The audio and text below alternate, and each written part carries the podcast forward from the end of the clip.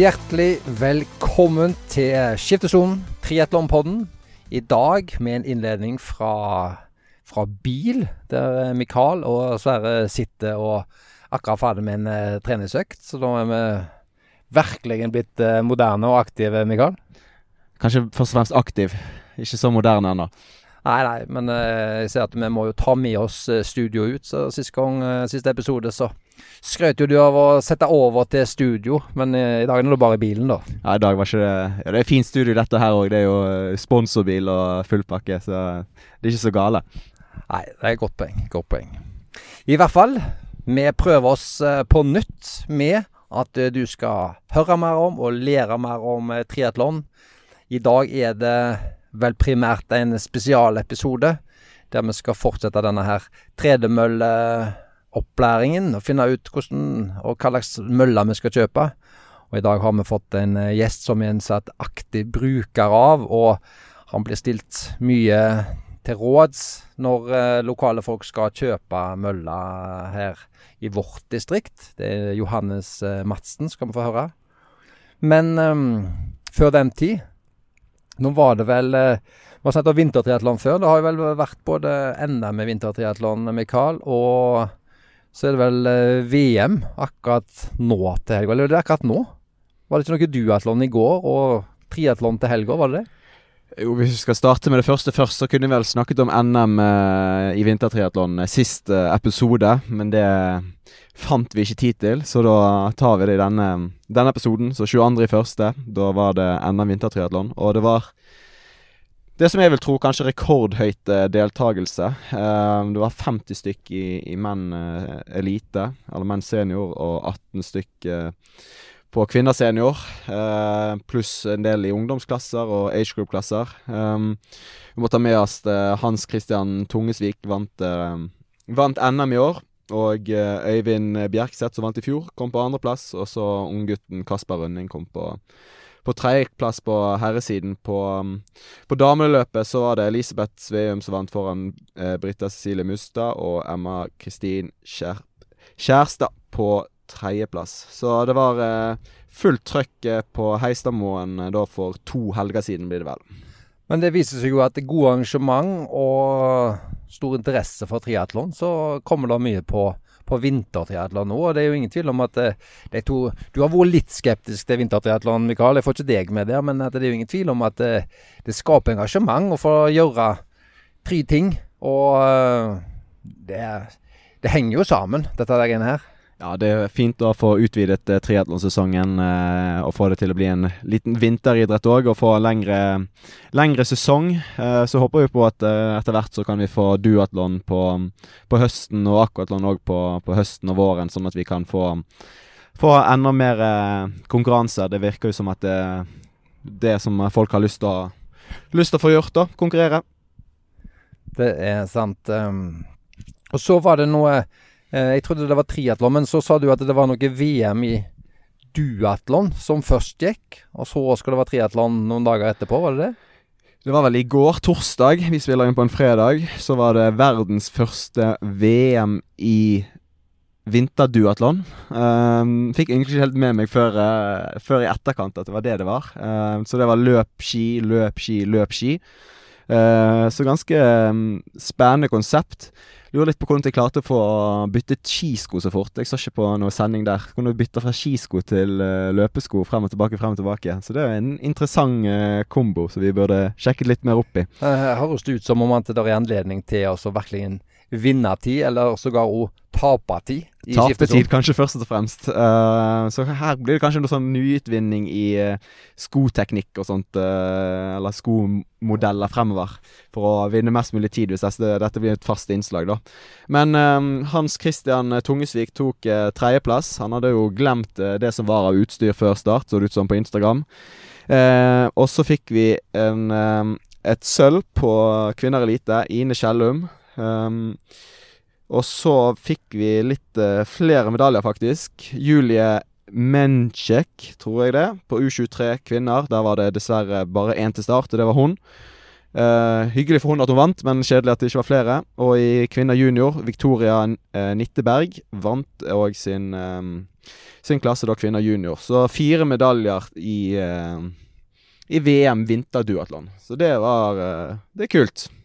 Men var det sånn når denne episoden er ute, så er det sannsynligvis helgens triatlon i vintertriatlon ferdig. Og kan vi stille større forventninger til Hans Christian Tungesvik etter tredjeplassen hans i duatlon, eh, der han hadde glemt mye utstyr og måtte låne, eller eh, blir det, blir det for tøft, tror du? Han skrev vel at uh, han som vant uh, på duatlon, at han var en god del sterkere på løp, da, så det blir jo spennende å se da om Hans Christian er en sterkere syklist da, uh, og klarer å ta igjen det forspranget til han som vant duatlon. Men vi har jo selvfølgelig Tungesvik som, som vår favoritt til å ta nok en VM-tittel. Det hadde vært kjekt. Det får vi heie på. Vi skal nå få med oss de resultatene. Du sa det var fredag i dag. I morgen lørdag så reiser du vekk. Da skal du tilbake til treningsleir med landslaget. Var det drøyt tre uker som du skal være på farten da? Ja, leiren starter eh, på mandag, da.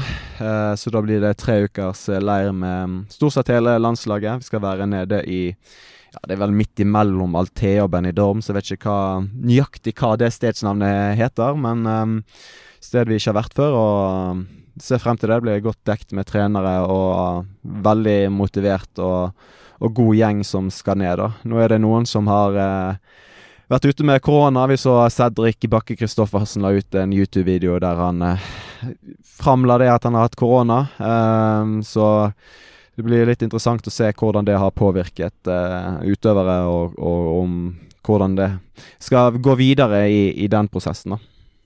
Men du sier at det blir uh, hele gjengen. Så, så mange er der der da, altså med trenere og utøvere nå? Så mange blir dere cirka? Jeg tror vi skal være elleve utøvere. Um, og så er det to stykk som er utenfor for landslaget, da. Så det blir en grei gjeng. Ikke for mange og ikke for få. Er det flere enn uh, deg som uh, da vil fungere som trener? Ja, sportssjef Harald Tveiten skal ned, og så er det to klubbtrenere som skal være med ned i hver sin uke, da. Så kanskje vi får prøvd å få snakket litt med, med de, og hørt hva de holder på med lokalt. Ja, eh, antyder du at du kan få prøve å Skal vi prøve å love vekk at eh, du får lagd en episode, eller at vi spiller inn noe i, i, lag i løpet av disse ukene, da? Jeg tenker ofte på at vi har lovet veldig mange gøye intervjuer og oppfølgere og sånne ting, og så forsvinner det vekk. Ja. Uh, men jeg skal gjøre det igjen og lover uh, masse bra innhold, så får dere bare holde ut, så til slutt så kommer det. For vi har jo en, en til episode med, om tredemøller, så i dag skal vi ha én med Johannes Madsen. Og så har vi jo en annen ekspert på tredemølla, som du skal få høre i en episode ganske snart. Sånn at i hvert fall de som har tenkt å høre seg opp og, og vurdere å kjøpe tredemølla, de skal få lært, lært det de trenger eh, i løpet av den tida du, du er vekke. Men når du nå skal reise vekk, eh, så så jeg at vi fikk et uh, spørsmål inn blant flere her, så kanskje du kan svare på. Eller så får du sjekke det der nede. Men en som spør om det er noen av den landslagsgjengen som skal kjøre Arena Games triatlon, altså innen dette her Superleague triatlon. Han sier at det, det her skal kjøres nå i München, i London og Singapore på forsommeren. Skal noen av eh, våre folk være med der? Ikke som vi vet per dags dato. Eh, og Gustav har jo hatt eh, kontrakter og vært en del av Superleague, men de prioriterer jo å kjøre langdistanse nå, og det er jo i samme periode. Så da kommer jo ikke de to til å stille. Eh, Kasper og Vetle og Lotte har jeg ikke hørt at har fått mulighet om å kjøre. Så da Per nå så ser det ikke ut som at det blir noen nordmenn til start på de løpene. De vil jo òg prioritere da eh, verdensserieløp som kommer i, i, mai og i juni. Så det å kjøre de superligaløpene blir ikke nødvendigvis eh, den beste oppladningen, da. Nei, men det er jo litt synd, for jeg syns det er ganske Som tilskuer så syns jeg det har vært ganske kult konsept, det der Superleague. Altså, det er liksom Ja, litt annerledes og litt trøkk og litt sånn Ja, litt kommersielt. Men eh, det har jo vært litt eh, gøyalt og litt spennende å se på.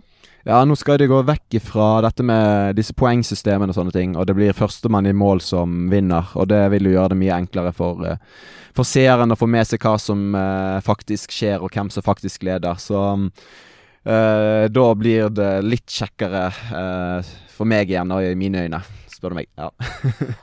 Og jeg ble jo akkurat i dag eh, ny, eh, nyfrelst fan av Superleague, for da etter som belønning for å ha lånt vekk en D2-lader til Mikael i 14 dager, så vant jeg ei Fikk jeg en bonus, ei Superleague T-skjorte tilbake. Så jeg føler at jeg har kommet skikkelig godt ut av denne her lånehandelen. Ja, det var bestikkelse, det, sånn at du skulle følge aktivt eh, mer med på, på de løpene. Det skal jeg gjøre. Da skal vi over til å høre på eh, argumenter, eller hva en skal tenke på for å kjøpe tredemølle. Eh, for de som har hørt på flere episoder, så har eh, Mikael antyda at han er litt, sånn litt skeptisk til mølleløping, og at en heller må komme seg ut. Sjøl så syns jeg det er veldig greit å få løpe på mølla. Og jeg ser ikke bort ifra at jeg kan ha hatt eh, knipsa et ferskt bilde som jeg lurer på om jeg skal bruke som en sånn eh, teaser til denne episoden. For jeg lurer på om jeg ikke spotta deg på ei mølle her forrige dag og det var litt dårlig vær, Mikael. Kan det stemme? Ja, Det var flere grunner for å teste mølle den dagen, da, så det hadde ingenting med at jeg er imot møller å gjøre. Det som er kanskje mest flaut, var at jeg hadde Alphafly-skoene på meg på det, det bildet der. Og ja, de var jo da Jeg har brukt de fem kilometer før, da. Så jeg ville ikke løpe ute med de. Så derfor ble det liksom Åh, det var- Derfor ble det mølle, da, for å skåne finskoene.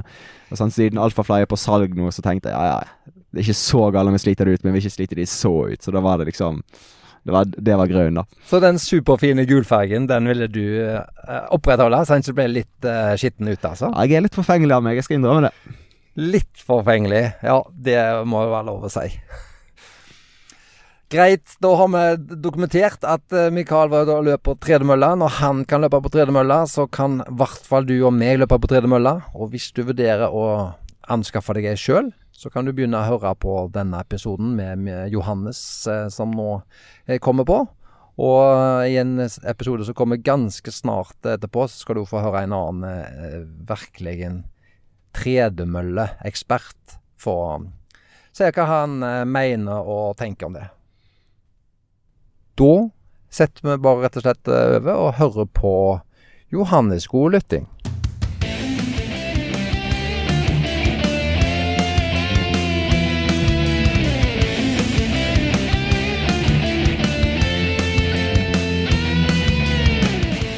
Da har vi fått en eh, gjest til Skiftesonen, Triatlonpodden. Det er en som både er løpeinteressert og triatloninteressert, altså det beste i alle verdener. Og eh, vi skal få høre at han sikkert eh, kan si at, har en, at han har en delvis spesiell løpeinteresse, hvis vi kan si det. Han har jo innenfor triatlon vært veldig nært en sats han er utøver, der eh, sønnen hans har satsa aktivt. Og han har òg bidratt mye som eh, trener i Haugesund triatlonklubb, så han vet noe om innenfor dette segmentet òg. Men først og fremst så er han her for å mene noe om tredemølla tredemøller som eh, den aktive bruker, og som hva en typisk aktiv bruker ønsker og trenger. Da Johannes Førre Madsen, velkommen til Skiftesonen Triatlonpodden. Tusen takk for det, Sare. Det var jo veldig sporty at du stilte opp, og jeg tenkte jo bare å spesifisere det at du Det forventes ikke at du er en ekspert nå i tredemøller, men du er jo en, en stemme, en, jeg tror du er en god stemme for alle de som ønsker å bruke tredemøller. Er alle som bruker, og alle de som kanskje vil kjøpe seg en. Ja, det har hendt mer enn én en gang at eh, når folk skal handle seg tredemølle, så, så får jeg noen spørsmål om eh, hva skal jeg se etter, for det, det er jo et virvar her ute. Tror, tror du den hadde passet meg? Det er jo akkurat det, fordi at det er godt å ha noen å sperre med, og det er jo der vi er litt nå i skiftesonen. At vi skal prøve bare å få, få sperra litt, både med en aktiv bruker og, eh, og ja, for å få en liten forståelse for en del begreper og sånt. Eh, vi kan sette deg i en ørliten bås sånn innledningsvis for å bli litt kjent. Altså, du bor jo på Haugalandet i Haugesund. 45 år. Lærer. Du er gift. Tre år. Nei, tre barn. Hus og stasjonsvogn, sånn omtrentlig. Kan, kan det stemme? Ja da, det er meget standard opplegg jeg kjører. Ja, ikke noen store eh, hemmelighetskremmerier der. Men som bakgrunn, eh, Johannes, har du drevet noe aktivt med, med idrett, du? Friidrett eller løping fra tidligere av? Ja, jeg, jeg drev jo litt med løping når jeg var ungdom. Jeg syns det var veldig kjekt og sånn som det, men ja, det ble vel en kombinasjon av eh, at jeg var litt eh, skadeplaga og noen vil gjerne si usystematisk og makelig anlagt, som gjorde at jeg, jeg drev det ikke til noe. Men jeg, jeg, var med her lokalt og syntes det var veldig kjekt. Men eh, ja, som, jeg har alltid løpt som eh, for gøy, men eh, Men for gøy i sånt Det var vel rundt ungdomsskolealder, så brøt du vel i hvert fall to minutter under to minutter på 800 meter? Var du omtrent der du var? Ja, da, ja ungdomsskole, VGS rundt der. Og så, så stoppet du på en måte der. Um, ja, dessverre. Sånn er det. Ja. Men uh, idrett og sånt har du i hvert fall fortsatt å, å drive på med. Og jeg sa du var lærer. Er, er du en altmuliglærer, eller har du uh, idrett og eventuelt gym som, som fag der på skolen? Ja, det var jo idrett jeg studerte mest og på en måte likte mest. Så jeg, jeg begynte jo som, eh, som gymlærer da, i skolen, og så har det blitt eh, andre ting i tillegg. Men jeg har fremdeles gym eh, en dag i uka og liker det veldig godt. Og så forsto jeg ja, og så forsto jeg at du hadde jo Jeg skal ikke si at du har en spesiell lærerfunksjon, men du er lærer for innsatte i fengsel, blant annet? Ja, det, jeg har ansvar for fengselsopplæringen i Haugesund fengsel. Så det er et, eh, et lite lokalt fengsel med 18 plasser, et sånn varetektsfengsel. Um, og de som havner inn der, de har jo òg skolerett, sånn så uh, ungdommer eller unge mennesker, eller uh, voksne mennesker, uh, ute i samfunnet. Så jeg er der for å se til at de oppfyller sin, eller får, kan få oppfylt sine ønsker på skole. Kan de ha gym eller idrett i den anledning? Ja og nei. Um, vi har ikke fasiliteter til å gjennomføre gymfaget sånn sett. Og ofte så er de uh, over 17-18 år, sånn at de, de, trenger ikke ha gym. Uh, når de, uh, der, der er måter å unngå gymfaget på. Men det vi har, vi har sett opp fast fredag etter lunsj. Da har vi helse og trening. Så da, da gymmer vi i lag, og da er det jo det som de vil kalle kardio, eh, det som jeg kaller utholdenhetstrening. Eh, og så kjører vi romaskin, tredemølle, sykkel. Um, for rett og slett å svette litt i lag. Og det er jo uh, Vi vet jo hvordan hjernen fungerer bedre når vi trener, det er et moment. Og så er det jo um, utrolig uh, relasjonsbyggende å svette i lag. Altså du kan tilbringe mange timer i klasserommet med skjorte på og alt dette, men når begge er i T-skjorte og, og, det driver, og du på en måte driver og pusher en annen, så, så, får du en helt egen relasjon så du kan ta med deg opp i klasserommet på mandagen og bygge videre på. Pluss plus dette her med helgefølelsen. Altså, dette er jo folk som er litt på utsida av samfunnet, og eh, dagene går litt i ett for dem, og dag og natt går litt i ett for dem. Så det å være med på en måte å, å, å innføre litt normalitet er jo viktig. sånn at etter den treningen på fredagen, da er det veldig naturlig med en high five og god helg, og, og gå trøtt og, og fornøyde inn i helga. Det var en, en gøy historie de å høre. For vi, vi som hører på skiftesonen, triatlonpodden, er jo sikkert over snitt interessert i en del trening. Men òg de som da har havna litt på sida, så ser en liksom hva, hva, aktivitet og svetting har å si. Det er viktig for, for alle. Det kan vi i hvert fall være sikre, at, uh, helt sikkert enige om. Ja, folk er folk. Folk er folk. Og så sa jeg at du uh, har en sønn som satsa. satser. Han er straks uh, 20 år. Satsa var vel på landslag. Erik Nygaard Madsen.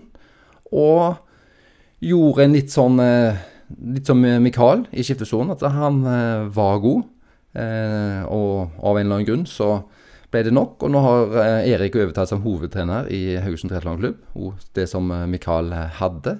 Og hvordan har den reisen vært fra å satse og så til å bestemme seg for å legge opp og bli trener for, for han og for deg? Ja, det er Ja, hva skal jeg si? Det var jo eh, Det er kanskje fælt å si det, men på mange måter så var det en lettelse.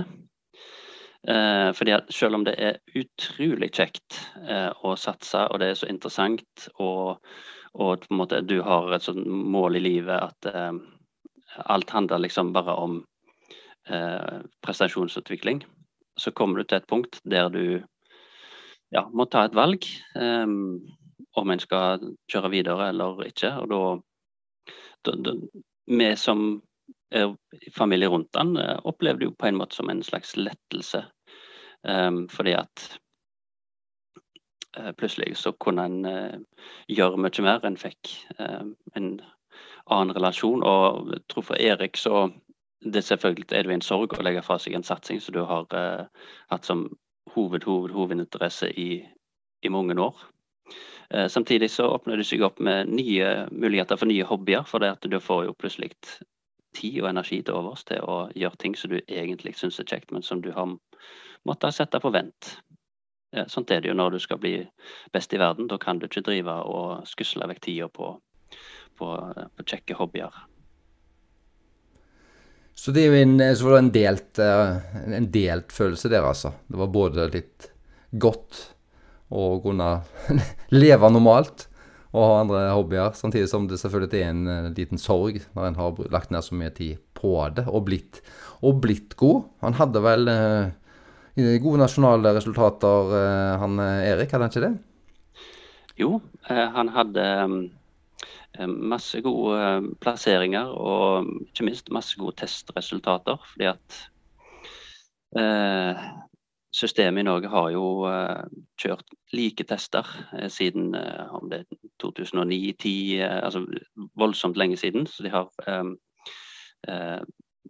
Excel-ark på Excel-ark med tester på ulike, eller på ganske få disipliner. Sånn at eh, de fleste har vært innom der, og Mikael har jo tilgang på alt. Så når du går inn og ser på dem, så, så tester han ganske bra. Det, det gjorde han.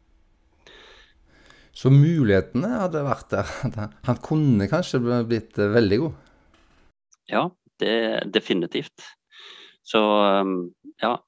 Det er, og det er så utrolig mange ting som skal klaffe for å bli en toppidrettsutøver. Det, du ser en nå når en har levd tett på det og jobba Eh, med å bidra til det i flere år. Så når du ser, ser det på TV på pallen, eller når du eh, hører på podkast, eh, disse herrene som på en måte kommer hjem etter å ha raska med seg eh, rekorder av gull, så, du, så innser du hva inn i hampen mange ting som skal sammenfalle. Eh, både ting du har kontroll på, ting du ikke har kontroll på.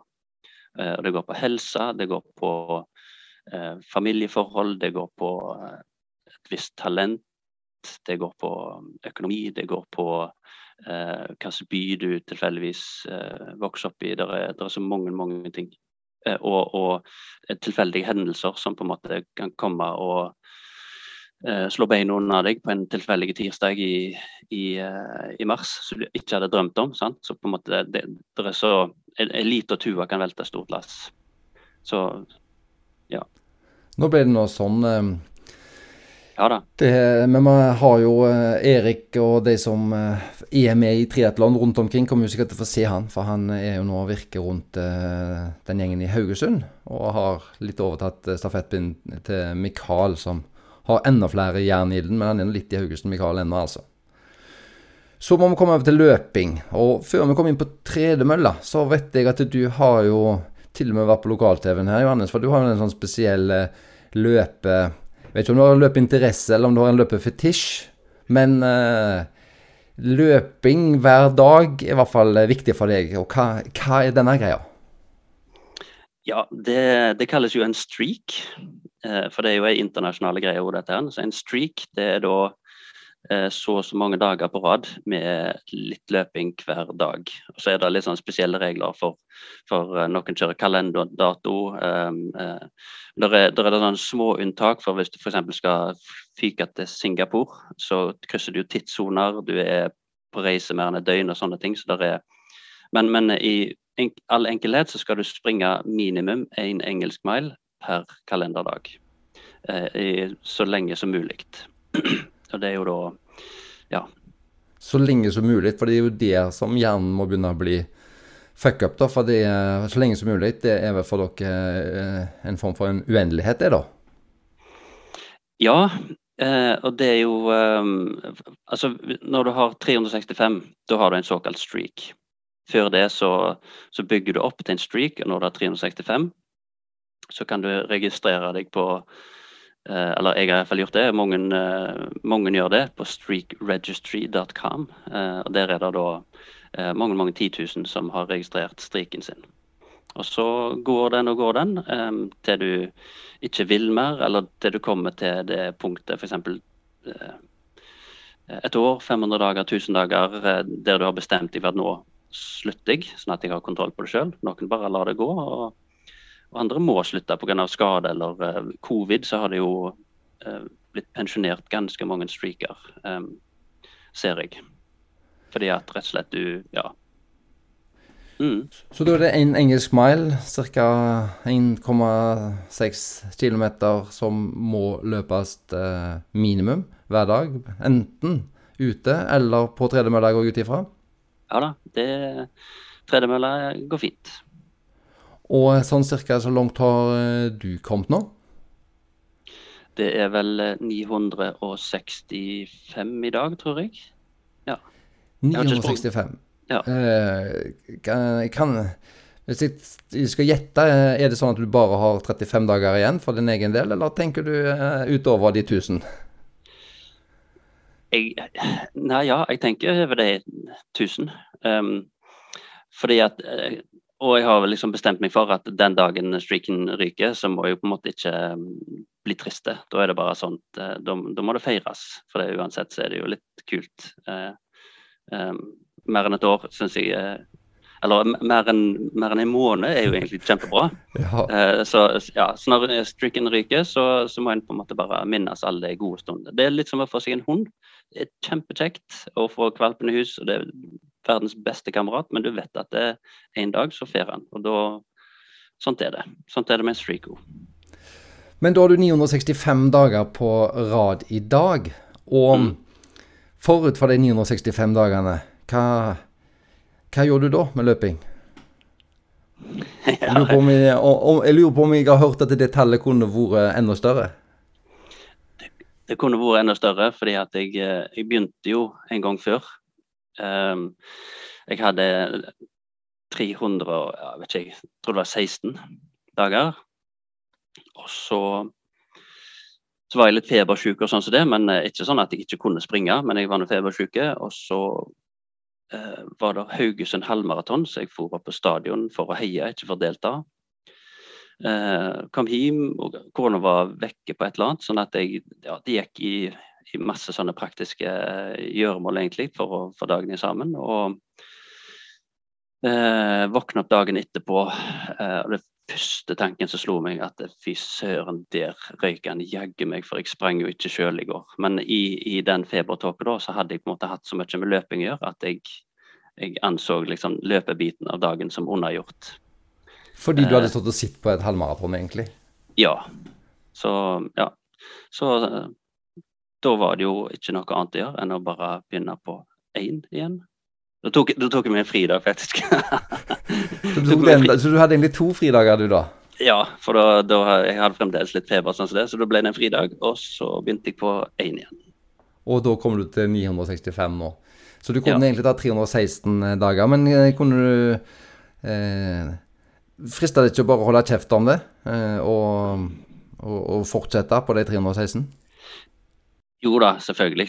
Det, men så, så, er det jo sånn med streaking da, at du, du rapporterer ikke til noen. Du må ikke dokumentere det med Strava f.eks. eller sånne ting. Du, de fleste, de, de fleste um, er jo gamle, De som har holdt på lengst, det er jo gamlinger som har dette notert ned i bøker. Mange noterer ikke i det hele tatt. så det, du på en måte bare, du, du setter en dato, og det er startdatoen din. og Så er det opp til deg sjøl når du frivillig da innrømme at det, nå er det forbi. For det, ja. Så det, det, jeg syns at det hadde vært litt jeg må innrømme at jeg, jeg, liker jo godt å snakke om det der streaky-greiene til folk. og sånn som det, Så det hadde vært litt flaut å sitte der og, og skrøte over 1250 dager, og så vet egentlig med deg sjøl at det, det, var egentlig bare Det er ikke 1000 engang. ja, men da går i hvert fall Så er det blitt en god historie nå, da. Ja, når det kom såpass opp igjen, ja. Det var, det var forferdelig å våkne opp denne morgenen der og bare komme på at Hæ? Nei? Jeg eh, løp ut i går. Nei. Men det var i hvert fall konseptet eh, fortalt, eh, og nettsida var formidla. Så hvis det er noen som tenker at det, hørtes jo ut som en utfordring som en kunne hatt, i tillegg til alt det andre en gjør, så, mm, så har dere i hvert fall hørt om det. Og Johannes nærmer seg nok 1000 dager når du eventuelt begynner, men det skal du ikke bry deg om. Det er ikke konkurranse, dette. Nei, nei, nei. Og, og jeg ser for hvis at en driver på høyt nivå, så har en ikke lyst til å bli låst av sånne eh, sånn halvtullete regler som en legger på seg sjøl. Men, men, for de aller, aller fleste så er det helt fantastisk bra system med å drive streaker. fordi at du holder på en måte aktiviteten gjennom eh, voldsomt jevnt. Eh, og klart, er du sånn som du er du febersjuk eller litt sånn slakke, til og med ganske vondt i en fot, så klarer du alltid å springe 1,6 km. Eller iallfall de fleste lytterne til eh, deres podkast klarer å springe. For det tar jo liksom 9-10, kanskje 11 minutter. Så du kan gjøre det uten å bli svette, du kan gjøre det mens potetene koker. Det, det, det er så lett å få det til. Og det kan jeg jo si at Hyppighet er kanskje en litt sånn undervurdert eh, variant i når en snakker om treningsbelastning. For eh, veldig mange er flinke til å ta langturene, veldig mange er flinke til å passe på at at intervalltreningen på, på onsdagen blir gjennomført. Men, men, eh, men eh, både eh, volum, intensitet, men også hyppighet er ganske greit å ha litt kontroll på. Ja. Nei, men uh, les om streak uh, for de som ønsker det. Uh, kunne du delt opp 1600 meter i to på en dag, eller må du ha sammenhengende? Det må være sammenhengende. Det må være sammenhengende i så fall, ja. Okay, ja. Så, men det, det, er ikke så strengt. altså Hvis, hvis hunden må, må tisse langs veien, så, så stopper jeg og venter på det. Så det er ikke helt sånt, eh, men eh, ja. Eh, og, og, og, når de begynner å bli gamle, så ser jeg det, det, det eldste, når de liksom bikker 80 år, så, så, er det noen som driver og diskuterer hva er egentlig løping. Hvor, hvor, lenge må foten være i lufta for at du skal kalle det løping. Så De, de gir seg ikke på tørre møkka, noen av disse her som har flere tiår i banken. Men da kommer vi over til temaet, eh, Johannes. Så har jo fått lov å bli kjent med deg. og Det var jo en, en, en gøyal historie om dette streak-greiene. Eh, og da eh, forstår vi jo at du har løpt eh, mye på både bar bakke og tredemølle. Og når du da blir spurt av folk og tenker sjøl og har ei tredemølle, hva, hva ønsker du av ei tredemølle? Ja, jeg ønsker at den Først og fremst så må det være ei tredemølle som eh, Kall det løpsfølelse, eller på en måte opplevelsene må være såpass bra at du faktisk blir brukt. Eh, og da er det eh, Altså, vi må være så romslige at du kan springe på henne uten at du er livende redd for å trø på utsida. Så du trenger ikke ha de største møllene, men du må være ikke av de minste, tenker jeg. Um, støy er jo en faktor her, uh, hvis du skal ha henne hjemme. Um, Syns iallfall jeg. Uh, at du ikke må være voldsomt bråkete. Det har jo ofte litt med motoren og, og drivverk og sånn som det å gjøre.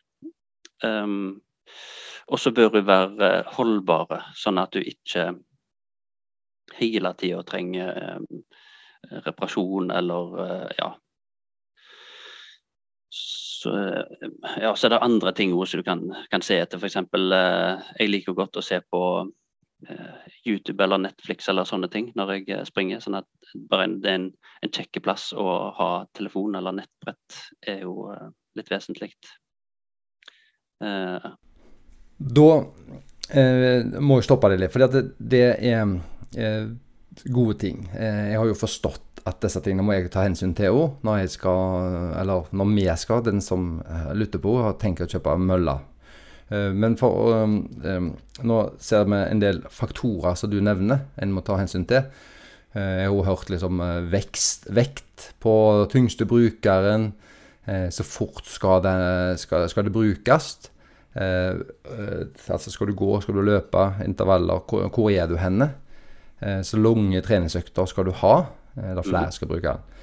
Eh, og så føler jeg at det, det er hensyn å ta. Det, det, er tanker som fagfolk, eksperter, gjør seg. Og så føler jeg at vi aldri får svaret på altså hva som er refleksjonen du skal gjøre. Ja, eh, løpsfølelsen har eh, mye å si. Ja, det skjønner jeg. Er det sånn at du da nesten ikke kan kjøpe ei mølle, Johannes, på, basert på spekk spesifikasjon. Altså Hvis du da ser på ei bruktmølle på Finn, du ser på XXL, du ser på treningspartner, du ser på de de type som selger møller, eh, er du der at du nesten ikke vil anbefale folk å kjøpe ei mølle uprøvd? Um, helst eh, vil jeg jo prøve den, men, men det er jo ting du da kan se etter som kan øke sjansen betydelig for at dette er mølla som er god.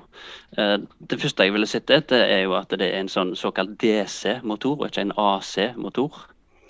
Fordi at eh, en DC-motor er så mye bedre, eh, og den, den finner du ikke i Jeg tror det er motsatt, er det ikke det? AC er jo uh... Ja, unnskyld. Unnskyld. AC. AC. Det er AC-motor du vil ha. Den er, er, er sterkere og mer stillegående, er det det som er greia? Mm. Um, sterkere, mer stillegående. Uh, han gir jevnere output, og han er dyrere. sånn at det, uh, når de putter DC-motor uh, i ei tredemølle, så er det kun for å spare kostnad og kneppene under 10 000 kroner. Ja, så, så da må en Så egentlig så er anbefalingen helt klart AC. Ja. Og, og, da står hestekrefter og sånne ting, gjerne halvannen, to, fire. men men uh, du kan ikke sammenligne på en måte DC og AC på hestekrefter. Altså en, en, en sterk DC-motor vil fremdeles være dårligere enn en, en liten AC-motor. Ja, men du har jo en, en, klar anbefaling der. Og klart igjen så har jo kostnad noe å si. For er du der at du må kneppe deg under 10 000, så, så må en kanskje ta en såkalt DC-motor, da. Ja, det er det. Eh, det, det jeg òg ser på, jeg ser jo på um, totalvekt på mølla og brukervekt. Det henger ofte sammen.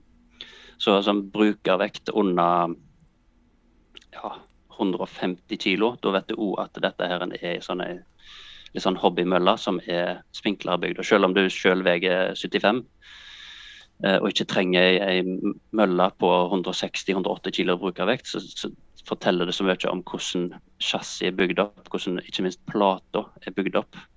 Fordi at det, flest, det er to hovedtyper. Det er de som går med bånd, det er det en egentlig snakker om. Og så er det de som går med sånn belter eller lameller. Eh, der det står spiler på tvers. Men det, det, det kan vi ta litt senere. Men det båndet, da, det glir jo over ei plate som er bygd opp enten av eh, noen millimeter kryssfiner med et eh, plastlag oppå. Um, eller det er de som har en veldig avansert sånn sandwich-konstruksjon med ulike lag for at eh, du både skal ha, få den rette spretten, og den spretten eller den poppen den skal holde seg i år etter år etter år. For det er jo vet ikke jeg, eh, På en engelsk mail så er det 1000 steg, sånn røftlig. Så du kan tenke deg da, hvis du tar en, eh, en, løpetur på noen kilometer, så bare på den halvtimen så har du jo mange tusen steg. Men eh, helt konkret, hvordan finner eh, jeg ut hva plate ei mølle har? Står det i spekken? Nei, nei det, det, gjør ikke det. Um, da må du gå veldig langt inn i materien. og Jeg, jeg sliter også med å finne det ut. Uh, så som med mye andre ting, så, så følger jo dette her veldig ofte pris.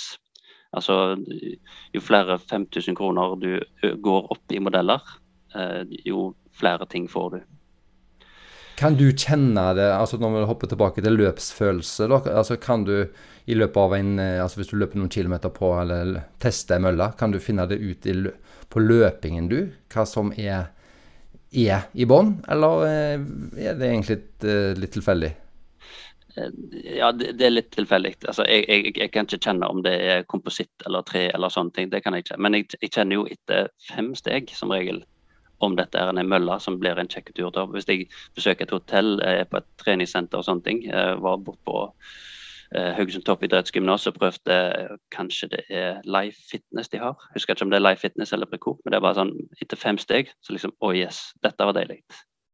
Eller jeg var på en annen um, Det er mange år siden. Det var i 2014-2015. Og jeg var ikke så, så inne i det. Så var jeg på løpelabbet, skulle kjøpe en ny sko, og det var liksom, da skal du springe på mølla.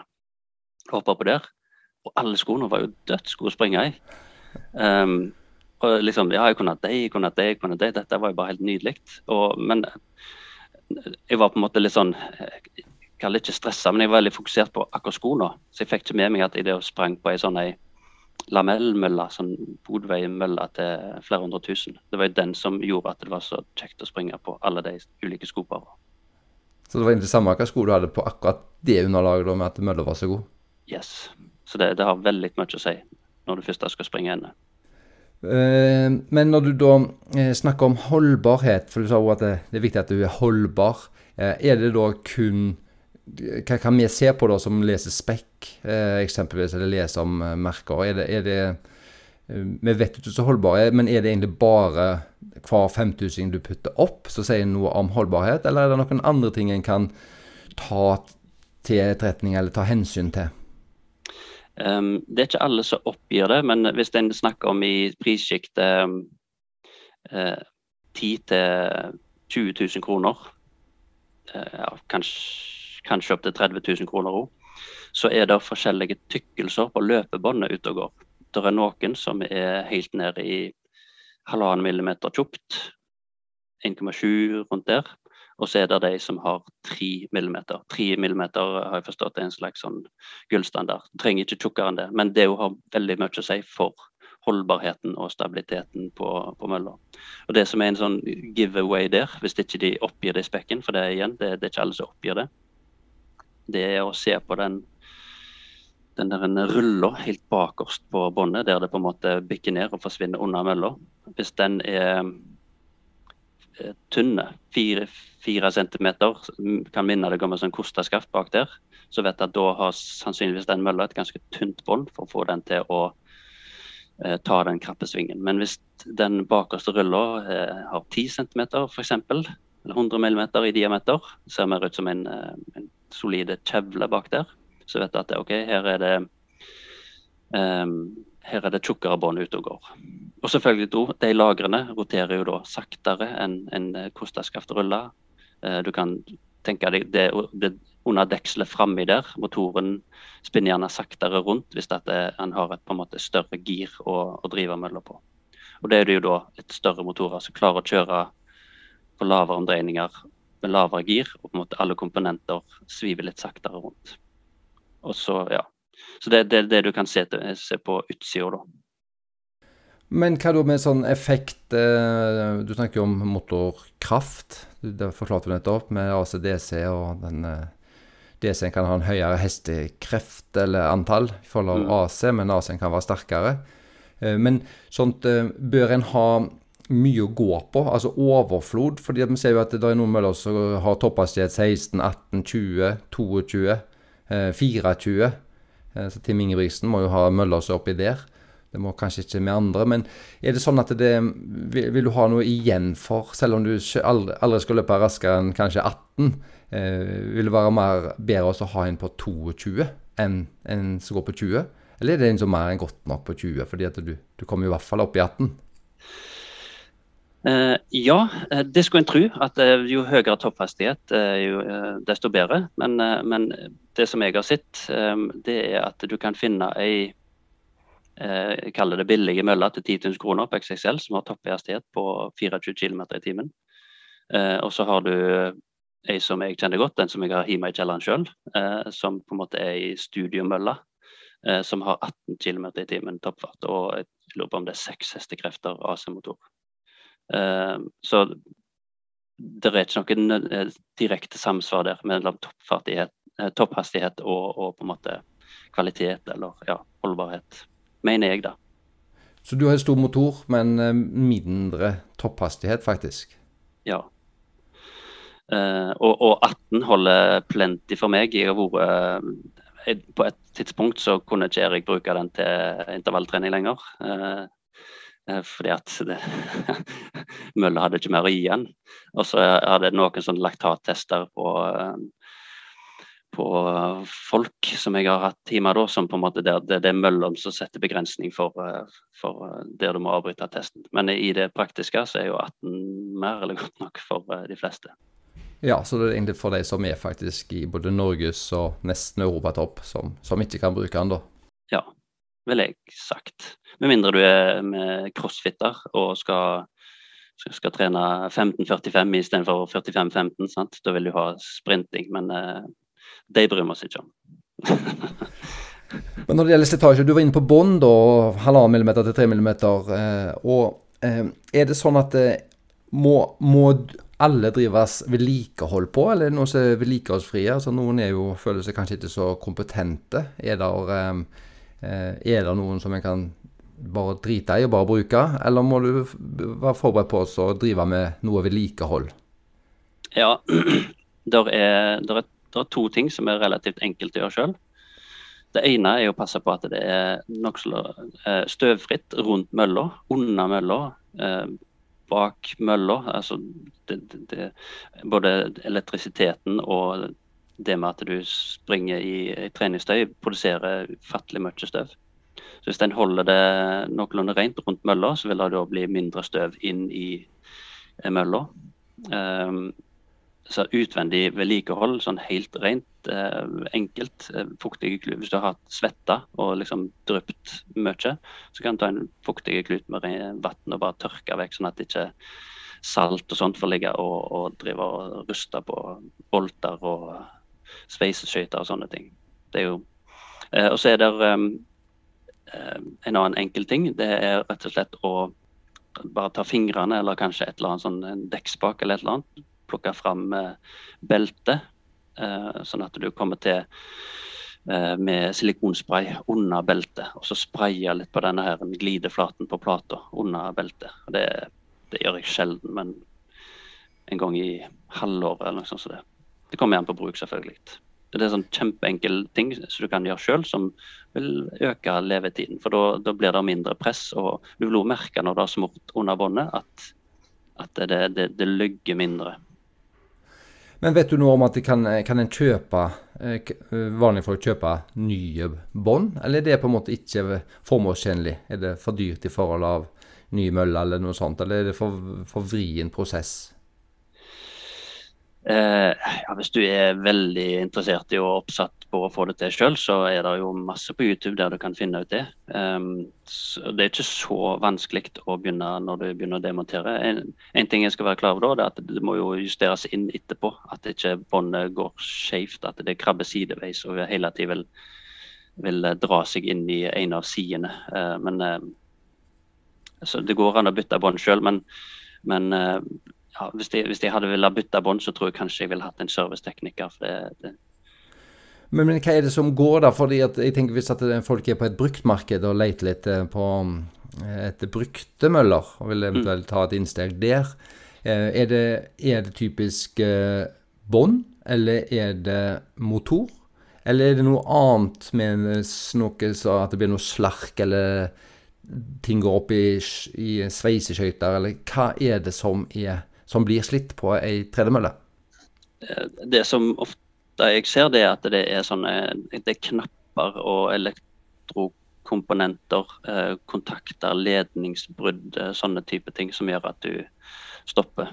Det er det ene. Og så er det òg da at lagrer blir dårlige, litt slitne, kombinert med usmurt bånd kombinert med støv, som gjør at motoren må jobbe litt ekstra, sånn at den går varme og, og, og kutter ut eller ikke vil gå rundt, eller du får en sånn makshastighet på 6 km i timen.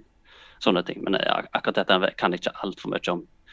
Men, um, men jeg har vært med på å sprette opp ei mølle som ikke virka skikkelig, og bare støvsugd voldsomt godt inn i alle krinkler og kroker, sånn at uh, vifter for å kjøre luft der det skal være luft, og at elektro, si, elektriske signaler får gå ubrutt der de skal. Og så fungerer det igjen etterpå. Men da må du på en måte av med deksler og sånne ting og støvsuge de plassene. Det er sånn som du gjør eh, ikke årlig engang.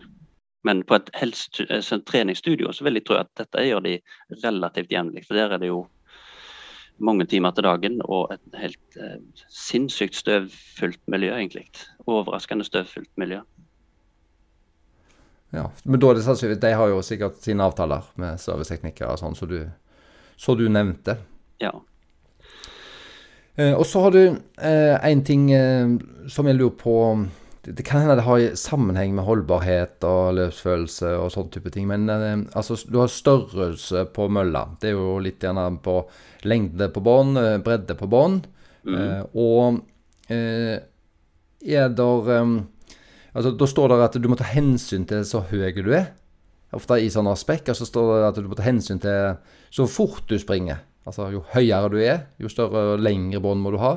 Og jo fortere du springer, jo bredere bånd bør du ha. For at, at en ikke føler at en eh, kan eh, snuble ut på sidene. Men det står liksom ikke noe sånn veldig klare krav. Det står bare at du må ta hensyn til det. Men så leser du i Spek, så er det ja, 150 cm eh, lang, og så er den 52 brei. Uten at du egentlig får en sånn preferanse for det som ja, som amatør, eller som leser. Eh, er det noen sånne typiske superråd for eh, hva en eh, bør ha hvis en er 1,80, 1,60, to meter høy? Eh, nei, det, det, har jeg dessverre ikke sånn på stående fot. Det jeg ville gjort, jeg ville, De fleste har jo tilgang til ei mølle en eller annen plass, om det er på den lokale samfunnshuset eller på et lokalt treningssenter, sånne ting og bare rett og slett bare 20-måle den når du er der, og se hvor mye mindre ville jeg akseptert hvis jeg skulle hatt den hjemme i garasjen. Um, ja, min oppfatning er jo at bredde er jo gjerne viktigere enn lengde, sånn sett. Men uh, ja, igjen, jeg springer ikke så mye intervaller og på en måte fort. Uh, det syns jeg faktisk kan være vel så greit uh, utendørs. Ja, det vet jeg jo at det er mange strides med, med deg med. Det er mange som liker å ta det annet intervallene inne, for da har du kontroll. Da har du definert akkurat fart og motstand og, ja, og, ja, sånt. Men, men, den diskusjonen skal vi ikke ta. ja, absolutt. Og det er jo en annen ting jeg kan se etter. F.eks. hvis en skal bruke den mye til intervalltrening eh, eh eller sånn 45-15-type trening og sånne ting, så det er veldig kjekt å ha eh, sånne eh, tall der du på en måte du, du kan trykke på tall, og så leverer den 12 km i timen eh, bang, istedenfor at du må stå der med pil opp og pil ned.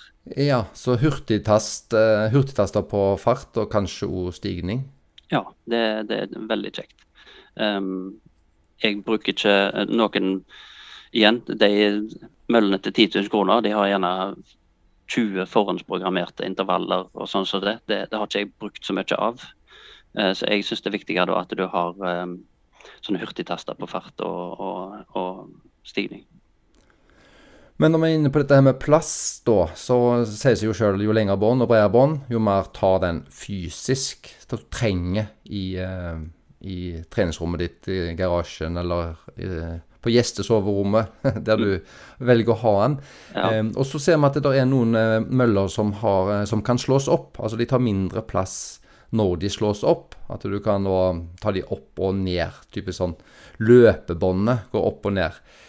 Uh, utover at det tar mindre plass, selvfølgelig, og når du kan løfte opp et bånd, er det noen uh, fordeler med det, eller er det noen ulemper? Eller er det likegyldig om du velger en sånn en oppslå opp Ikke oppblåsbar, oppslåbar uh, mølle? Ja, eh, jeg må innrømme at jeg har ikke prøvd sjøl ei sånn mølle som du kan slå opp. Men jeg vil jo anta at eh, da har de gjerne måttet gå på kompromiss med, med, stabilitet og styrke i denne her ramma for å få dette til å henge sammen. Eh, så jeg vil ikke tro at du får eh, topp følelse på ei sånn mølle. Eh, er, er alternativet at du ikke har plass til å ha den utslått hele tida, så, så, går en jo for den. Men eh det er veldig få av de på en måte gode møllene som er sammenleggbare. fordi De er rett og slett for tunge til at det er praktisk mulig å, å gjøre. Et, et god tredemølle kan veie 200 kg. Men da er vi egentlig der at eh, hvis vi da overfører det, så er det sånn at eh, all trening du får gjort, er bedre enn den treningen du ikke får gjort. Så det vil si at hvis du ikke har plasten, så er Ja. det bedre å kjøpe en som du kan slå opp og eventuelt ha på et kontor, eller på en måte der du har plass til noe, kontra å ikke ha det. Men har du plasten og alle tingene der, så etter dine preferanser, uten at du har prøvd så mange av de som slås opp, så tenker du at du ville gått for en fast plassert, eller en som ikke kan slås opp.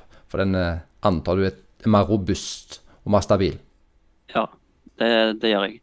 Ehm, hvis jeg skal snakke om, om pris og, og, og sånne ting, for det, du- nevnte dette med trening du får gjort kontra den du skulle ha gjort, eh, så kan en jo altså Selvfølgelig. Eh, 35 000 er dyrere enn 10 000. Det er, det er gitt. Samtidig så har jeg hørt en god løp løpekamerat og flere andre som jeg har hørt om, som har kjøpt seg da mølle til 10 000. Jeg tenker mølle er mølle, men det er på en måte 10 000 eh, kan du si, ja, litt ut av vinduet, fordi at den mølla blir ikke brukt, for den er så trasig og kjip å springe på at eh, de kler heller på seg og går ut og springer på isen. Sånn at det, og da er det jo dyrt med 10 000, men hvis du har ei mølle til 35 som blir mye brukt, eh, og som òg har en ettersalgsverdi, eh, så er ikke det så mye dyrere kanskje likevel. Sånn har iallfall jeg tenkt. Eh, og jeg har òg tenkt eh, er brukt, enten privat brukt eller brukt av treningssenter. Eh, er òg dette som, eh, som de selger som rekondisjonert eller refurbished møller. Eh, for treningssenteret de kjøper gjerne ti møller i en smell. Og så tar, men de leaser de kanskje bare, eller de kjøper de med en sånn en, at når de etter så og så lang tid, så går de tilbake igjen til importøren. Da tar importøren og ikke, han hiver de ikke, men de, de skifter, um, skifter bånd. eh, De demonterer alt. Noen lakkerer til og med opp igjen på nytt. Eh, De skifter alt som de eh, vet eller tror kan eh, være dårlig. Og så selger de inn til en relativt gunstig, gunstig pris med en slags ny garanti. Så Det er òg noe å tenke på. Ja, og da tenker du at da gjør det ingenting om at du kanskje er eh, et par år. For jeg hadde jo tenkt at hvis du har blitt brukt på et treningsstudio, så er det jo eh, enormt mange timer til dagen sannsynligvis hun er gått. Altså hun, hun er kanskje gått en seks-åtte timer til, til dagen. Mm. Men når slitasjedelen er, er bytta så tenker du at det ikke nødvendigvis trenger å være et dårlig kjøp. Nei, tvert imot. Eh, og der kan jeg nå, nå eh, si, enten ha flaks eller ikke flaks, men eh, jeg kan jo da fortelle om min tredemølle som jeg kjøpte brukt på et helsestudio. fordi at det var en veldig lave, en mistenkelig lave pris. Men jeg hadde vært på jakt etter en sånn type mølle lenge, så jeg hjemme i bilen og kjørte ganske lenge. Fikk knappe tilhengeren etter mye om og men, og kjørte hjem igjen. Og liksom, ok, nå jeg var forberedt på liksom Bånd må kanskje skiftes, eh, drivreim, eh, sånn og sånt. Så jeg begynte å skru opp, eh, fra hverandre og så at båndet var jo helt strøkent. Det var ikke et støvkorn inni mølla, fordi filtrene er så gode. Og de viftene som driver luftstrømmen er så gode, og alt inni der er på en måte så gjennomarbeida at eh, det er på en måte ikke noen lommer og eh, tilfeldige plasser der støv kan akkumulere. Så jeg bare skrudde det sammen igjen og hadde litt silikon under båndet og har sprunget på det i mange år etterpå det. Ja, Så da fikk du igjen for å velge kvalitet. At da er det alle de andre tingene nå blir på en måte bedre. Ja, det kan du si. Og, og når du da eh, åpner opp ei sånn litt så har vært kostbar mølle, så ser du at ting er så overdimensjonert at det, det, er ikke, det er ikke snakk om at det på en måte Jeg ser ikke for meg at det kan gå i sunt noen gang. Eh, fordi hvis du går inn i det tekniske, hvis du ser for deg sånn base, eh, standard mølle, så har du en, en motor med en aksling som går ut. og Der har du da et, et svinghjul som, dette, altså som en slags vektskive, som er veldig tung. Eh, som da går videre eh, til et sånn et eh, hjul, og så driver det et reim som driver den rullen forår, forrest, som på en måte driver rundt båndet. Og på ei skikkelig mølle så er det svinghjulet det er kjempesvært. Det er vet ikke 20 kilo kanskje. 30 kilo. Eh, som et sånn spinningsykkelhjul. Bare, bare mindre diameter, men det er bredere. sant? og så åpner du ei kjip mølle, så ser du at det er en bitte liten klump. Og Det som òg skjer da, det er at den motoren som fordi Hvert steg du trykker ned på det båndet, så du, prøver du egentlig å bremse det litt opp. Eh, så Hvis du har et tungt drivhjul, så vil ikke den motoren merke dine steg. fordi at det, det svinghjulet det holder på en måte farten på båndet rimelig konstant. Mens på ei kjipere mølle, eller billigere eller lettere mølle, igjen på vekta, så vil svinghjulet ikke holde igjen steget ditt så godt, sånn at motoren får på en måte den belastningen direkte inn. Hvis du var med på Ja, den var jeg med på. Den var jeg med på. så, så det, er, det, er, mange ting som gjør at ei mølle veier mye når du prøver å løfte på den. Annet sånne ting. Jeg hadde litt håpet at eh, når jeg, jeg, jeg, har sagt at jeg er på jakt etter jeg skal kjøpe Jeg hadde håpet at du skulle gi meg en haug med gode grunner til å kjøpe ei mølle til 7000 kroner. Jeg nå. Men uh, her skjønner vi at uh, vi må legge på en Her må vi legge på en null, forstår jeg, for å komme i mål.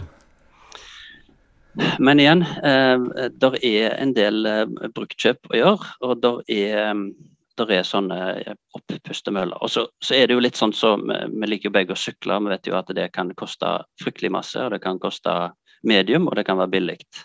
Og så er det jo sånn at hvis du går fra eh, si, eh, båndsegmentet og opp til midten, så får du en relativt høy stigning i kvalitet på alle komponenter. Men går du fra midten og opp til de dyreste, så begynner på en måte det du får igjen for de ekstra pengene dine, blir jo mindre og mindre og mindre. Til slutt så står det på farge og merke og kulhet og det du li liker, på en måte. Så du, mm. du får ikke en kvalitetsmessig bedre og Sånt er det nok med Møller òg. at eh, Klarer du å, å kneke deg over 10 000 og begynne å nærme deg 25, så, så er det en dramatisk kvalitetsøkning i mine øyne, eh, med min begrensa erfaring. Men klart, går du fra videre da til, til 100, så klart du får ei bedre mølle, men du er ikke fire ganger bedre enn den til 25. Men den til 25 den er ti ganger bedre enn den til 10 000. Ja, nei, det var jo en grei betraktning. Godt tips. Vi har vært igjennom mange ting, Johannes. Jeg, jeg bare kom til å tenke på en siste ting som jeg har sett på når jeg har sett på uh, møller og, og, og, går på Google og sånt. Så ser jeg at uh, Eh, du har computeren, eller skjermen, i, i framkant.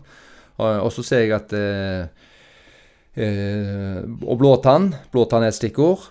men så ser jeg òg at noen har innebygde vifter. noen har en større skjerm for underholdning. Og noen har innebygde høyttalere. Så tenker jeg at jo mer du putter i, jo dyrere må det, må det bli. og hva er pris og nytte på alle de tingene inni computeren. Men eh, så mye trenger en, og så mye bør en ha? Eller er det egentlig bare typisk fartpuls og stigning en bør ha i denne computeren, og så kan du heller ha en egen høyttaler, en egen TV til underholdning?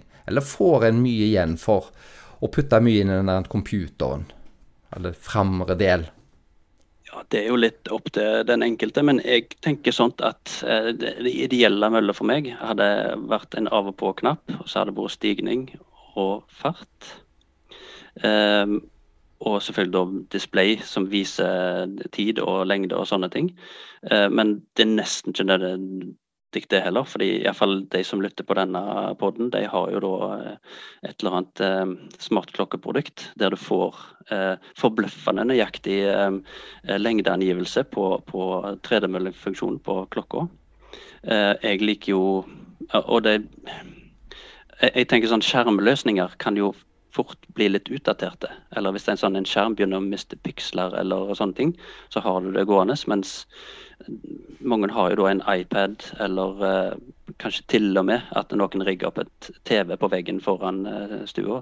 Jeg bruker bare telefonen som jeg slenger opp på displayet, så er det nok til å på en måte holde meg underholdt. Eh, og med propper i ørene. For det, det er jo støydempende. For det, det, er ikke til å stikke ned en stol at det, det er jo litt masete og med i mølla, fordi du får steg og, og motoren og susinga på en helt annen måte enn en ute. Sånn at eh, proppene for meg er både underholdning, men òg litt sånn støydempende for meg sjøl. Så litt etter hva du som brukerne har som preferanse, men sannsynligvis så I hvert fall hvis folk da har et dedikert treningsområde, så er det sannsynligvis bedre å bruke kalle egne produkter til underholdning, sånn som lyd eh, og eh, eh, og bilde. Og kanskje slippe å bruke penger på en sånn fordyrende skjerm, men som egentlig du strengt tatt nesten ikke har bruk for. Det, det er akkurat det. Uh, ja, sånn, uh, og, og, så ser jeg jo at det har kommet Swift for løping og ulike sånne produkter. og Det er jo en helt annen ballgame. Um, jeg har jo erfaring på uh, sykkelruller med sånne ting. men jeg har ingen erfaring på, på løpemøller.